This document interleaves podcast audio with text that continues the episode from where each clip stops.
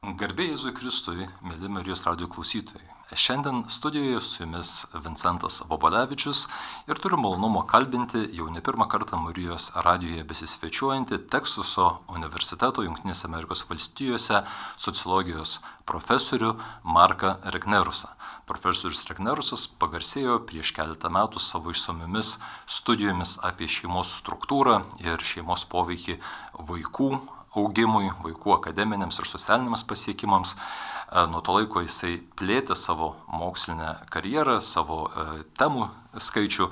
Ir šiandien su mumis profesorius kalbėsis tema Krikščionybės perspektyva 21 amžiuje.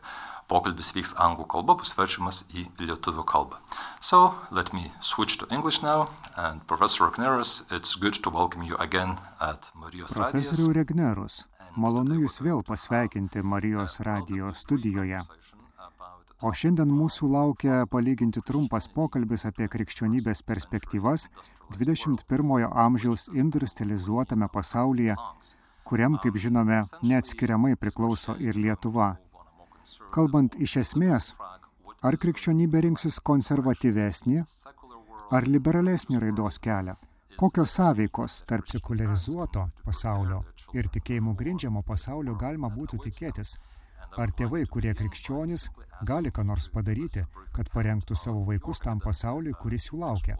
Mūsų pokalbį pradėti norėčiau tiesiog paprašydamas jūsų trumpai papasakoti apie savo akademinius pasiekimus per pastaruosius keliarius metus nuo tada, kai lankėtės čia Lietuvoje. Taip, ačiū. Visada gera apsilankyti Vilniuje, Lietuvoje. Be to, dabar čia gyvena keletas mūsų draugų tad galime pamatyti ir juos. Nuo tada, kai paskutinį kartą čia buvau, mes ėmėmės įvairių tyrimų, bet vienas ar netgi porą tyrimų jūsų minėta tema yra amerikiečių kunigų tyrimas, kurio bandoma suprasti tiek jaunesnius, tiek vyresnio amžiaus kunigus. Būtų įdomu, kokiu nuostatų jie laikosi, kalbant apie įvairias doktrinas, ypač tas, kurios man labiausiai rūpi, susijusias su litiškumu, santoka ir panašiai, mėginome išsiaiškinti, Ar amerikiečių kunigai kaip visuma apskritai pasikeitė, ar jie tampa konservatyvesni, ar netokie konservatyvūs. Junktinėse Amerikos valstijose, remdamiesi duomenų analizę, galime aiškiai pajusti, kad vidutinis katalikas darosi progresyvesnis ar bent jau mažiau religingas. Šventųjų mišių lankomumas menksta. Pasibaigus COVID-19 pandemijos laikotarpį, jis pastebimai sumažėjo ir neatsistatė iki ankstesnio lygio. Junktinėse Amerikos valstijose katalikų skaičius yra apie 23-25 procentai. Labiausiai jų padaugėjo dėl žmonių imigracijos iš Lotino Amerikos, o ne dėl natūralaus gyventojų prieaugio.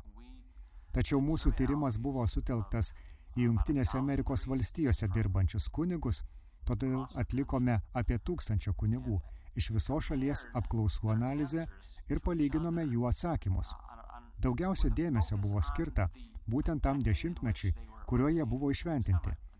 Tai buvo tarsi tinkamas faktorius, pakeitęs amžiaus veiksnį.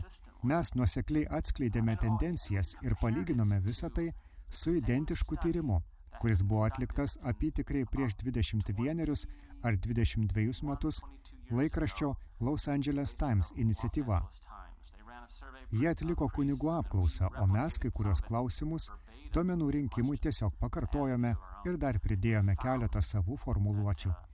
Nustatėme, kad jauniausių kunigų nėra tiek daug, kiek jau būta prieš 50 ar daugiau metų.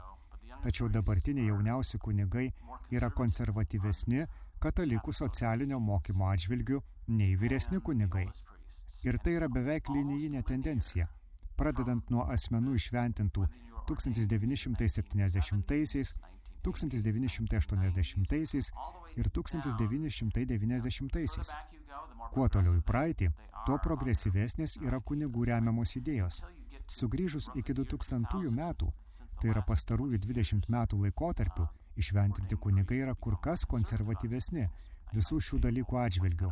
Dabar galite sakyti, na ir kas čia tokio. Geriausias spėjimas, kurį galiu pateikti, yra tai, ką vadinu Jono Pauliaus antrojo efektu – Apie tikrai 2000 metais žmonės, būtent jauni vyrai, vis dar ypač buvo jo įkvėpti stoti į kunigystę. O dabar turime Jono Pauliaus antrojo anūkų. esančių paauglystės pabaigoje arba jau pasiekusių antrąjį ankstyvojo amžiaus dešimtmetį. Jo įkvėpti žmonės susilaukė vaikų, tarp jų ir berniukų, kurie užaugo, patarnaudami prie altoriaus ir dabar stoja į seminarijas. Pats pažįstu keletą iš jų, taigi tai iš tiesų buvo akis atverintis tyrimas. Žinote, džiaugiuosi šiais rezultatais.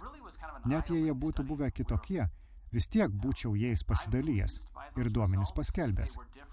Bet tai geras ženklas, kad kunigija Junktinėse Amerikos valstijose yra gana geros būklės ir artimiausių metų ji nėra linkusi tapti dar konservatyvesnė, nors pasauliečiai pasuko šiek tiek kitą linkmę. Pirmuosius 41 savo gyvenimo metus buvau protestantas. Protestantų pasaulyje viskas šiek tiek kitaip. Kai kurie pasauliečiai ten tampa progresyvesni, bet paprastai tokia būna vadovybė, pačios denominacijos ir pastoriai – Kai kurie iš vadovų pradeda krypti į kairę. Vykdomas nuolatinis socialinio mokymo apie santoką ir litiškumą vertinimas. Beveik kasmet kiekviena denominacija surengia metinį savo vadovų susitikimą, kuriame kalbama apie pokyčius. Viena iš didžiausių dovanų, kad prieš keliolika metų tapau kataliku, yra ta, kad nors nuolat kalbama apie pokyčius, ne visada rengiami susirinkimai, kuriuose sakoma, Gerai, ką galime pakeisti šiais metais, tiesa? Taigi tai vyksta visiškai kitaip. Na, man patinka, kad šį poveikį pavadinote Joną Pauliaus antrojo efektu. Ir man smalsu, kaip jūs vertinate šių išvadų pastovumą, arba sakyčiau jų gyvybingumą. Žvelgiant iš esmės, didžioji mūsų laikų religijos istorija neatskiriama nuo sekularizacijos. Kuo labiau esi išsivystęs, to mažiau tau reikia Dievo, todėl tampi vis labiau sekuliarus. Taigi viena iš galimybių yra ta, kad staiga atsiranda kas nors nepaprastas. Pavyzdžiui, didis šventasis Jonas Paulius II ir jis laikinai sustabdo šį procesą vien dėl savo charizmos, bet paskui viskas vėl stoja į prastas vėžes. Pasitaiko įvairių popiežių, kurie yra netokie charizmatiški, arba charizmatiški, bet pabrėžiantys skirtingus akcentus socialiniu požiūriu. Jūsų tikintis gyventojai tampa vis mažiau religingi, o konservatyvūs kunigai yra tarsi trumpas bliktelėjimas. O gal jūs šį reiškinį laikote svarbesnių dalykų, kuris gali būti atsietas nuo Jono Pauliaus antrojo, kai jo palikimas taps nebe toks aktualus? Tai klausimas, kurį mes išgyvename dabar tiesa, tai tyrimo klausimas, kurio padedami mes visi gauname duomenis ir juos vertiname. Kalbant apie tai, galva ateina kelios mintis – Viena iš jų manau, kad itin charizmatiški kunigai iš tiesų daro įtaką. Joną Paulių II mes turėjome 27 metus, tiesa? Neįprasta ir manau, kad net kardinolų kolegija paprastai neteikia pirmenybę savo kunigams ar popiežiams net 27 metus, tiesa? Manau, kad 80 metų laikotarpis yra tai, ką jie paprastai renkasi, bet net tada jie pasirenka jaunesnio ar vyresnio amžiaus žmonės ir jūs gaunate tai, ką gaunate, tiek laiko, kiek nusprendžia šventoji dvasia. Sunku tai sužinoti. Tačiau esate visiškai teisus, kad per išsivyščiusi vakarų pasaulį ritasi savotiška sekularizacijos banga. Todėl nenostabu, kad kai kurios gyvybingiausios krikščioniškojo ir katalikiškojo tikėjimo vietos yra besivystančiame pasaulyje. Turiu galvoje Afriką, Indiją ir kai kurias Azijos šalis. Ten dažnai esama mažumų tikėjimo, bet tas mažumų tikėjimas gali būti gyvybingas. Tam tikra prasme mes vakaruose, manau, buvome palaiminti, kad gana ilgą laiką nebuvome mažumos tikėjimas. O tai sociologiškai kalbant, daro mus šiek tiek išglebusiais, šiek tiek menkiau budriais ginant tikėjimą tiesa. Taigi tikrai nenostabu, kad dėl pažangių technologijų, kurios įsiskverbia į vakarus ir ne tik vakarus, mus viskas blaško tiesa.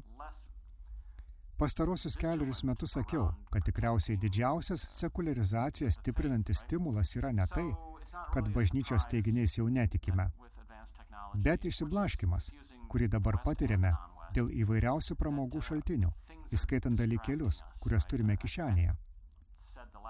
Viena iš priežasčių, kodėl manau, kad principai, kurių laikomės yra pagristi, slypi tame, kad esu kilęs iš Jungtinio Amerikos valstijų kur šiuo metu išgyvename tam tikrą genderizmo ideologijos, beprotybės antplūdį.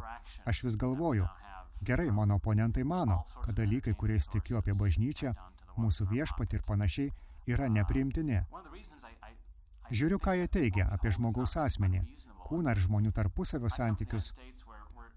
Tada pagalvoju ir dar tvirtinama, kad aš čia esu beprotis.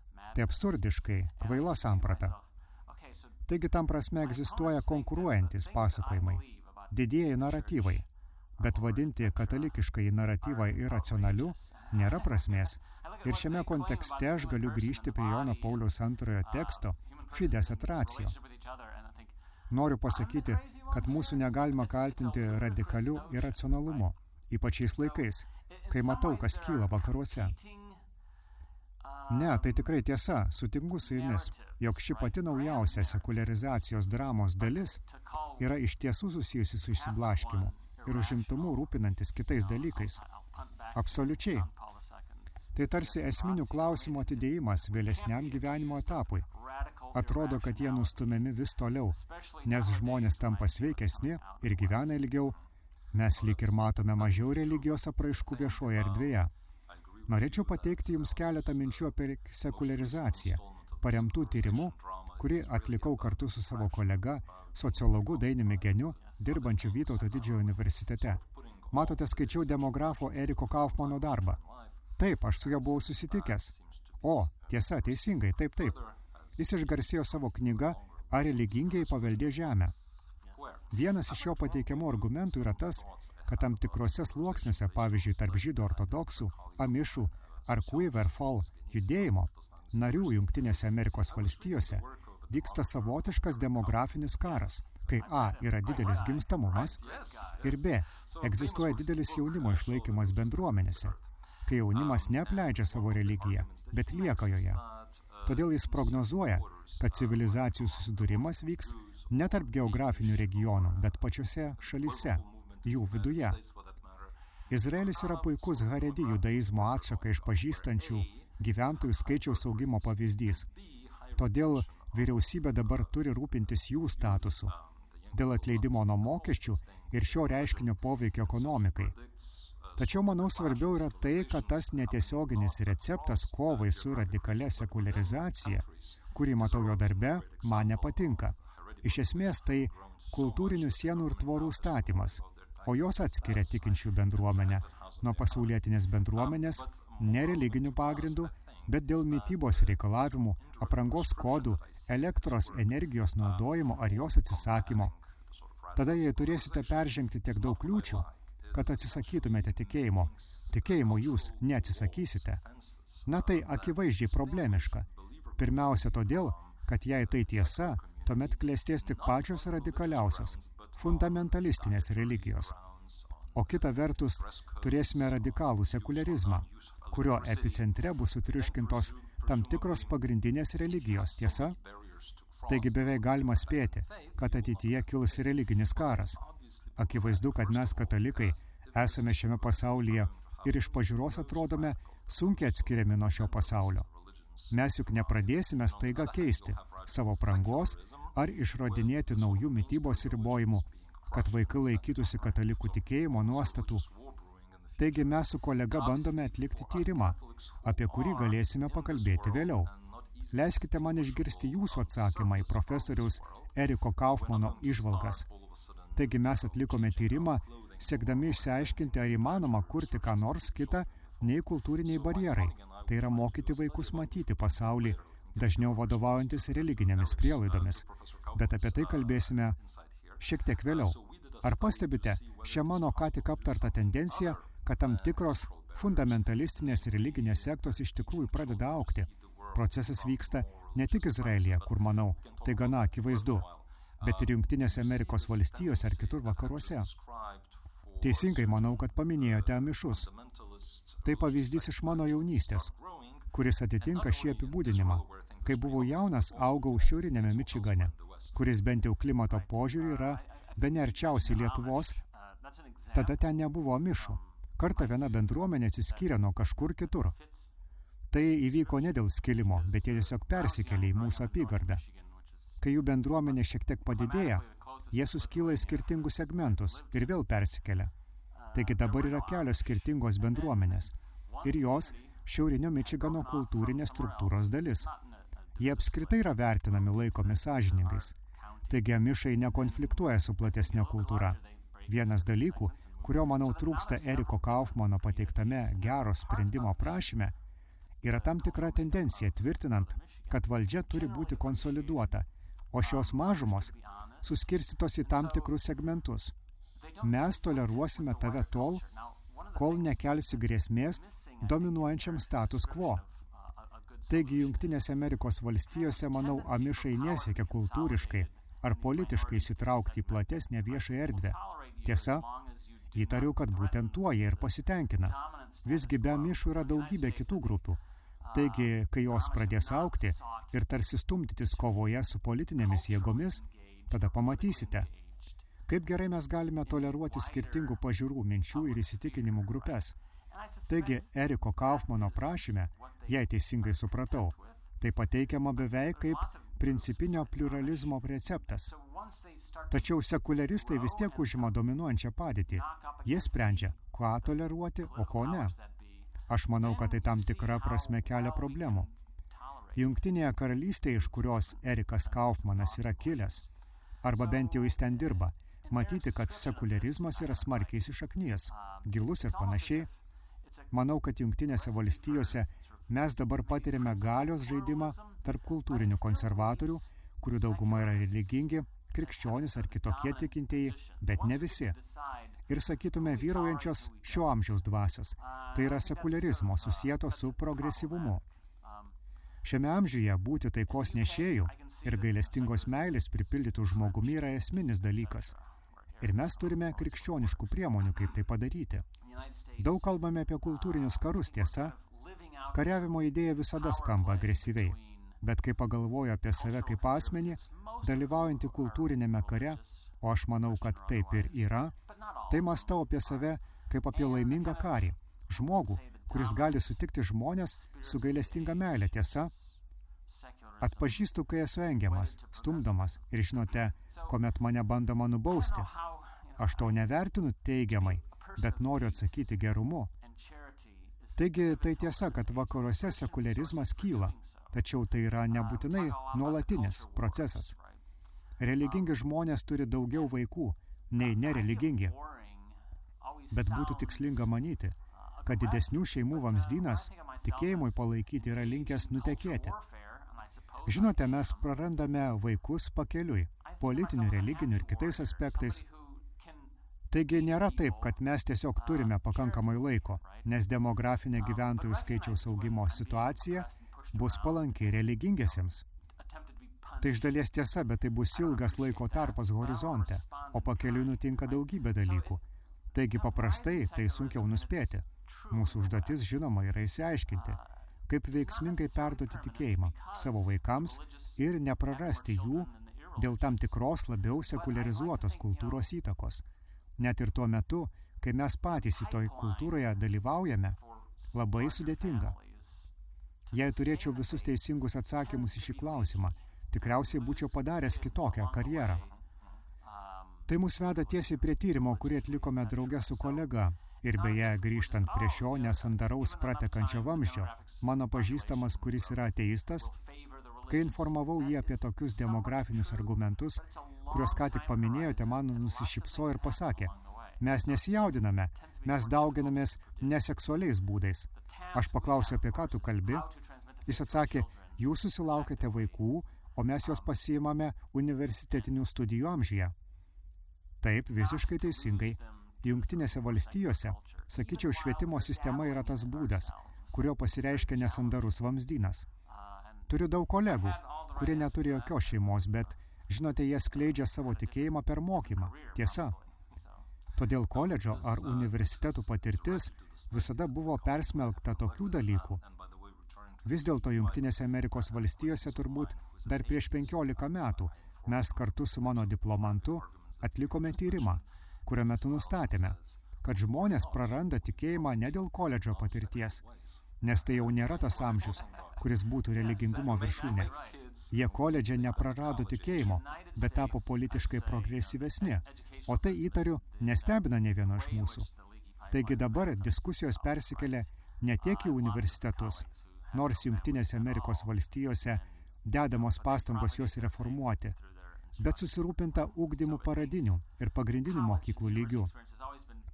Pavyzdžiui, rūpi su kuo tėvai verčiami supažindinti savo vaikus tiesa, taigi tai sukelia konfliktą.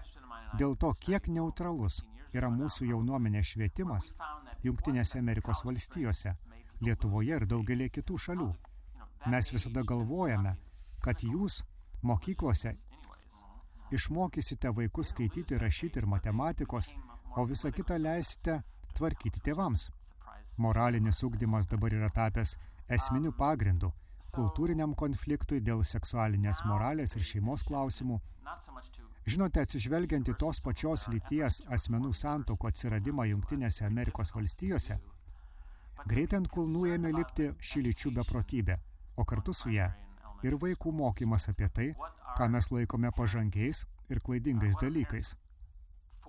Mūsų pedagogai Junktinėse Amerikos valstijose mano, kad tai yra normalu, teisinga ir net gerai. Todėl, kodėl turėtume to neleisti vaikams?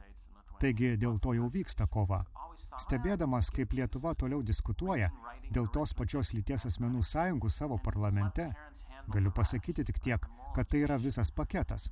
Negalima turėti vieno dalyko, galiausiai nenurijus draugė ir viso kito. Taip, štai kodėl šios diskusijos tokios rimtos.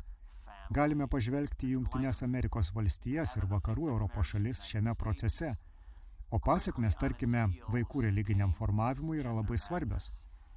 Vis dėlto man būtų įdomu pasvarstyti, jog rimtas parapijinių mokyklų ir religinio ugdymo poreikis turėjo atsirasti Junktinėse Amerikos valstijose būtent po to, kai valstybinės mokyklos pasuko ideologinio šališkumo linkme. Taigi visų pirma, ar tai vyko? O antra, kaip religinio ugdymo mokyklos susidorojo su, pavadinkime, laikmečio dvasia. Kartais man susidaro įspūdis, kad religinio ugdymo mokyklos, nors ir netokios atvirai radikalios, stengiasi prisitaikyti prie šių naujų papročių, kad tarkime išlaikytų valstybės lėšų srautą net jei jos gauna kokias nors kitas ar net privačias lėšas. Teisingai, teisingai, taip ir vyksta, jūs teisus. Paprastai jos neima privačių lėšų. Nors Junktinėse Amerikos valstijose yra ištisas, nepriklausomų, bendruomeninių mokyklų judėjimas, kuriam priklauso ir mano dukra. Ji lanko nepriklausomą bendruomeninę mokyklą. Ši mokykla finansuojama valstybės lėšomis, nors ir netaip gerai, kaip dauguma valstybinių mokyklų. Joje galima pradėti mokytis nuo idėjų apie žmogaus dorybės ir panašiai. Mokykla, kurioje mokosi mano dukra, yra tokia. Mes to džiaugiamės, bet vėlgi žinote, bet kuris iš tėvų gali leisti savo vaiką į tą mokyklą. Taigi mokykloje, pradedant mokyti dorybių, yra daugybė mokinių, kurių tėvai o ir patys mokiniai apie šios dalykus galvoja visai kitaip nei mano šeima. Ir aš, jie turi teisę ten būti. Tai valstybinė mokykla, o jie pateikė prašymą joje mokytis. Taigi, tai nepanaikina iššūkio mokiniams mokytis ir turėti savo tikėjimą, skleisti jį tarp bendramžių, o tai yra gerai.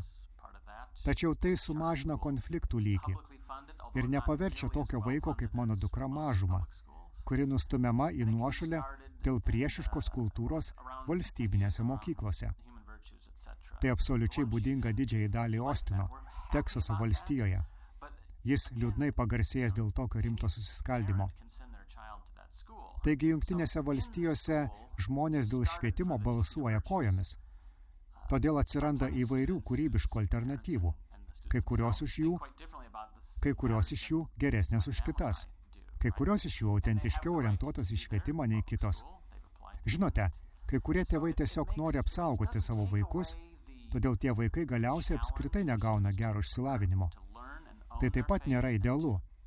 Vienas iš gerųjų jungtinių valstijų bruožų, sakyčiau, yra tai, kad valstijos lieka kūrybingos.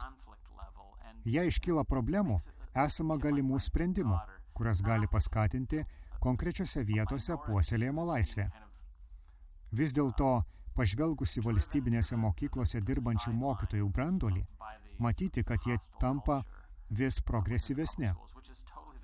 Žinote, daugumą jų sudaro 20 mečiai ar truputį vyresni. Tiesa, kurie ką tik perėjo universitetinio švietimo sistemą pasaulietinėme amžiuje. Dabar nėra taip, kaip 7 ir 8 dešimtmetyje, kai aš mokiausi valstybinėje mokykloje. To meto aplinkoje, kurioje mes augome, vis dar vyravo kultūrinis konservatyvumas. Bet vėlgi, aš augau gana toli nuo didesnių miestų. Taip, tai ir yra Amerikos grožis. Ji yra didelė ir federalinė. Kiekviena valstija yra savotiškas eksperimentas. Galima lyginti New Yorką ir Floridą. Šios valstijos iš esmės atrodo lyg dvi skirtingos šalis. Taigi mes linkime, kad Rono Desantis nominacija pasiektų Senatą, nepriklausomai nuo to, per kuriuos rinkimus tai vyks. Per likusias dešimt minučių galbūt atkreipkime dėmesį į tai, ką tėvai gali padaryti namuose, kad tikėjimas būtų puoselėjimas. Tai tiesiogiai susijęs su tyrimu, kurio norėjau su jumis pasidalyti. Taigi iš esmės, ką tik supratome, kad savo vaikų neatskirsime šiomis kultūrinėmis sienomis. Ėmiau galvoti, kad galbūt galėtume sukurti solidesnę intelektinę platformą, kurios padedami mūsų vaikai suprastų pasaulį, tai yra ne tik religinius, bet ir socialinius jo aspektus. O į mūsų pateikiamus pasaulio aiškinimus būtų įpinama religinių prielaidų. Manau, kad kartais to nedarome. Pateiksiu jums pavyzdį, ką turiu omenyje. Tarkime, dauguma žmonių sutiktų, kad žiūrėti pornografiją yra blogai. Mes norėtume, kad mūsų vaikai to nedarytų. Kaip pateisintume savo poziciją, ar paaiškintume savo vaikams, kad pornografijos žiūrėjimas yra žalingas? Yra daugybė būdų, kaip tai padaryti. Pavyzdžiui, galima sakyti, kad pornografijoje gali būti neteisėto turinio, gauto nusikaltimo būdu. Pažįstu porą teisininkų, kurie iš tikrųjų taip argumentuoja savo vaikams. Aš tai girdėjau, aš sakiau, gerai, sėkmės, teisingai, bet tai neturi nieko bendra su tikėjimo pagrindais, aiškinančiais, kodėl tai, kas neteisėta, yra blogai. Galime sakyti, kad pornografijos žiūrėjimas atitraukia žmogaus dėmesį nuo kitų, produktyvesnių užsiemimų. Galiausiai jis ar jie dėl to galėtų tapti nevykeliu gyvenime. Vėlgi, nors tai tikriausiai ir tiesa, nėra tiesiogiai susijęs su kokiu nors religiniu pagrindu. Pasaulyje yra daugybė išsiblaškimų, dėl kurių galime tapti nevykeliais. Kodėl ne šis? O tada galėtume kalbėti apie Jono Pauliaus antrojo kūno teologiją ir tikslą. Kodėl mes turime savo kūnus, apie žmogaus kūno grožį ir pagarbą, kurios jis reikalauja. Po to galime paaiškinti pornografiją kaip didžiulį moralinį blogį, kurio ji yra, neskaitant visų socialinių pasiekmių. Taigi galite padaryti pasaulietiniu arba religiniu pagrindu beveik bet kokioje diskusijoje su savo vaiku. Taigi jūs sakote vaikui, kad jis turi mokytis matematikos arba gerai atlikti savo namų darbus. Kodėl? Na, kad galėtum daryti karjerą. Tai vienas iš atsakymų, kad galėtum išlaikyti šeimą, bet tai nėra pakankamas atsakymas. Abu atsakymai geri, bet ne vienas iš jų tiesiogiai nesusijęs, tarkime su jo pašaukimu, gyvenimu ir talentų atskleidimu. Visi jie orientuoti į ateitį. Jiems reikia kažko, kas juos atitiktų dabartyje. Kodėl man turėtų rūpėti matematika? Na, pasaulis yra nuostabiai struktūrizuotas. Matematika yra tikra ir teisinga. Ir žinote, tikrai maloni akiai tarsi pamatytumėte skirtingus net ir stebinančius argumentus, tiesa? Taigi iš esmės bandėme išaiškinti, ar tėvai, kurie gali būti linkę diskutuoti su savo vaikais, apimdami religiją, geba sėkmingiau perteikti tikėjimą, geba sėkmingiau perteikti tikėjimą nei kiti tėvai. Iš esmės galėjome užduoti tik tris klausimus apie žmonių tikėjimą. Iš dalies todėl, kad turėjome ribotus išteklius. Beje, labai dėkojame Laisvosios visuomenės institutui už pagalbą atliekant apklausą. Klausimai, kuriuos uždavėme, buvo apie tėvus ir vaikus. Taigi turėjome klausimų, diadas arba tiksliau tris tėvus ir vaikus liečiančias klausimų diadas apie tai, ar jie tiki gyvenimu po mirties, ar tiki dangaus ir pragaro buvimu ir ar tiki būtinybę sekti Jėzumi, kad žmogus išsigelbėtų. Matėme atvejus, kai tėvai perdavė savo tikėjimą vaikams ir atvejus, kai jie to nepadarė. Iš pradžių tikėjomės, kad ortodoksinių įsitikinimų besilaikantiems tėvams nebūtinai seksis geriau, nei kitiems perduoti duos įsitikinimus. Taip manėme iš dalies dėl sekularizacijos. Mes ypač atsargiai vertinome sudėtingesnius įsitikinimus. Pavyzdžiui, apie būtinybę sekti Jėzumi. Nes tai iš tiesų prieštarauja mūsų laikais vyraujančiai dvasiai, kai religija iš tikrųjų neturi reikšmės. Ir štai ką mes iš tikrųjų nustatėme. Visais trimis klausimais. Ortodoksinių pažiūrių tėvams sekasi ne ką geriau nei vyraujančios tikėjimo krypties kitiems tėvams. O Jėzaus sėkimų klausimų, o Jėzaus sėkimo klausimų iš tikrųjų ortodoksinių pažiūrų tėvams pavyksta blogiau, netgi žymiai blogiau. Tačiau tada mes susijęme tėvų įsitikinimus su tam tikrų jų elgesiu. Taigi nagrinėjome sąveiką, susijusią su religinė praktika. Buvo naudojamas indeksas. Kaip dažnai jie praktikuoja asmeninę ir šeimos maldą, pasninką, šventąją komuniją, susitaikinimo sakramentą ir šventųjų mišių lankymą. Tyrėme, ar tėvai kreipia dėmesį į religinę etiką, ar taiko savo religinę etiką darbe, ar jie stengiasi suderinti šios du dalykus. Kėlėme klausimą, ar tėvai dėl savo tikėjimo patyrė kokiu nors nepatogumu darbe ar socialinėme lygmenyje. Be to klausėme, ar tėvai tiesiogiai kalbėjosi su vaikais apie įvairias socialinės situacijas religinių požiūrių, pavyzdžiui, susijusią su bendramžiais. Galbūt liepdami vaikams, kad jie nedalyvautų okultiniuose žaidimuose su vidža, lentelėmis dėl tikėjimo dalykų, arba kad nežiūrėtų pornografijos dėl religinių priežasčių. Įdomu tai, kad tėvų ortodoksinius įsitikinimus, susijęs su šiomis praktikomis, tikimybė, kad tėvų įsitikinimai bus perduoti vaikams, padidėja. Jos nuosekliai didėja. Kartais jos padidėja statistiškai reikšmingai. Kita kartą jos itin daug nepadidėja, tačiau įdomu tai, kad nenutolsta mano posakio, kad kankinių kraujas sieja naują tikėjimą. Kitaip tariant, kuo širkštesnis elgesys patiriamas, kuo labiau save aukojantis yra elgesys, įskaitant kentėjimą dėl tikėjimo ar tam tikro diskomforto patyrimą dėl religijos viešai, taip pat tiesioginius pokalbius su savo vaikais apie socialinės situacijas, grindžiamus religinėmis prielaidomis, tuo daugiau pagalbos gaunama tėvams jų tikėjimo perdavimui. Taigi tai tik vienas tyrimas, paremtas palyginti nedidelę intimi. Tačiau man jis bent jau lyg ir padeda suprasti, kad yra dalykų, kuriuos galime padaryti savo šeimose, būtent atsisakydami laikyti religiją privačių dalykų ir užtikrindami, kad mūsų požiūris į socialinius dalykus iš tikrųjų atitiktų religinėmis tikėjimo prielaidomis grindžiamas nuostatas. Na tai kaip jums atrodo? Taip tai turi prasme. Galėčiau grįžti ir pagalvoti apie biblinį posakį, kad tikėjimas be darbų yra miręs, tiesa? Jūs turite būti įsitraukę ir jūsų vaikai turi matyti jūs įsitraukusius į socialinę veiklą. Religinis elgesys ir taip toliau, būtina, kad jie matytų ir manytų, jog tai, ką sakote, yra svarbu nes mes visi galime kalbėti apie daugybę dalykų, kuriais tikime. Bet kai matote, kad žmonės tam skiria laiko, jūsų tėvai ir panašiai, tai visai kas kita. Jei matote, kad jūsų seneliai tam skiria laiko, bet ne jūsų tėvai, tai gali padėti. Bet taip pat įdomu, ką mano tėvai iš tikrųjų galvoja. Kodėl jie to nedaro, tiesa? Taip įsitikinimų sistema, tiesa? Struktūra, tikėjimo investicija. Turime tai gyvendinti laiku, pastangomis aptartomis pastangomis, labdaringomis pastangomis. Tai daug veiksmingiau padeda perduoti tikėjimą.